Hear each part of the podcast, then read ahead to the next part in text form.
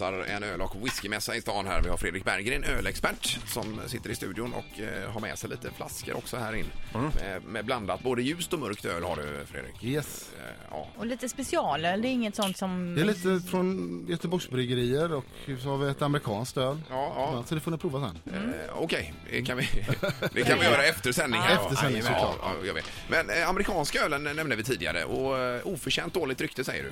Så när man, när man pratar om amerikanskt öl så är det många som rynkar på näsan och tänker att det här är va- något vattnigt och tråkigt. Men det finns ju det också. Men faktum är att i USA är det som driver och har drivit ut ölutvecklingen i världen de senaste 20 åren. De gör oerhört intressanta öltyper. De återuppfinner europeiska öltyper som varit i princip utdöda. Jaha. Så amerikansk ölkultur, det är di- dit alla sneglar idag kan man säga. Svenska bryggare och danska bryggare. Och så. Så det är inte bara Budweiser och det här utan Nej, det nej, finns... nej, det eh, finns hur mycket som helst. Men hur är det Ja. med procenthalten i den amerikanska ölen? Det finns allt ifrån eh, 0% höll jag på att säga upp till, eh, upp till 20 Så att det där är, det finns en enorm bredd. Är den för låg tycker du Linda? Men jag Linda? har för mig att det var någonting med...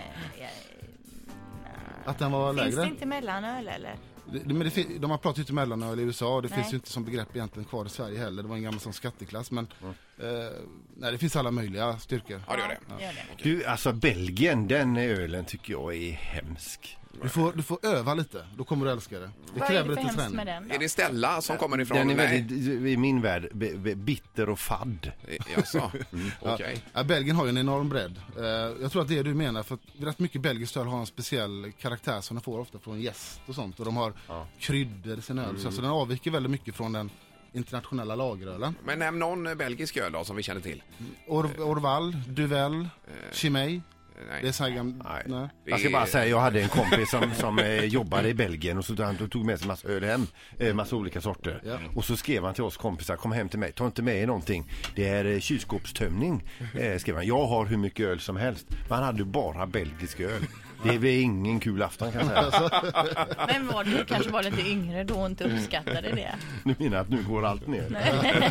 Men Mer finsmakare kanske? Eh, Men temperaturer och så vidare här Fredrik då? För att eh, vad- vad- en del öl har ju även en sån här liten termometer på etiketten ju. Ja, precis. Man, man kan ju säga så här, ju mer ett öl smakar, desto varmare ska det serveras. För värme, ju varmare det är, desto mer känner man smaker och dofter. Så en, en, eh, en Budweiser ska ju vara jättekall och uppfriskande. Just det. En Imperial Stout kan ju vara 16 grader för att man ska få fram smaker och sådär. Det är en sån som är en hel middag inklusive dessert ungefär ja. Kan man säga. Man får ta i om man ska få ner en sån. Men man kan ju ta en, man behöver inte dricka sju stycken, man kan ju ta en eller dela på en. Ja, just det. Nej, om- Men det här med ubåt, eh, vad tycker du om det? Det var jättelänge sedan, är det när man sänker ner en, en, En shot jäger eller en i. jäger? Ja, just jäger, det. Jag, jag vet inte, fan, jag tror jag tror aldrig jag har gjort det, jag har bara sett det. Nej. Men provar det. Som de, det här som de dricker i Tyskland mycket då, när man blandar ut ölen med Sprite. Ja, det finns ju något så här, man, man blandar ut, och det finns ju i många länder att man blandar med, med cider, och blandar med olika typer av Coca-Cola. läskedrycker. Ja, precis. Cider. Kan man väl göra, om man vill det. Om man gillar det ja. Men det är inte att rekommendera enligt eh, Fredrik här. Men eh, trevligt att du lämnar dina flaskor här i afton. Ja, ta det efter sändning. Ja, tack så mycket.